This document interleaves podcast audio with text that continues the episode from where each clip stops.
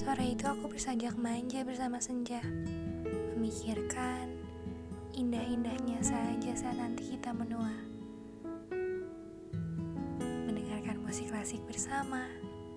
Oh, atau mungkin minum secangkir teh tanpa gula yang tentu tidak kamu suka. Tiba-tiba, sebuah angin meniup isi kepalaku dengan sebuah pertanyaan yang membuatku terpaku bersamamu atau tidak ya?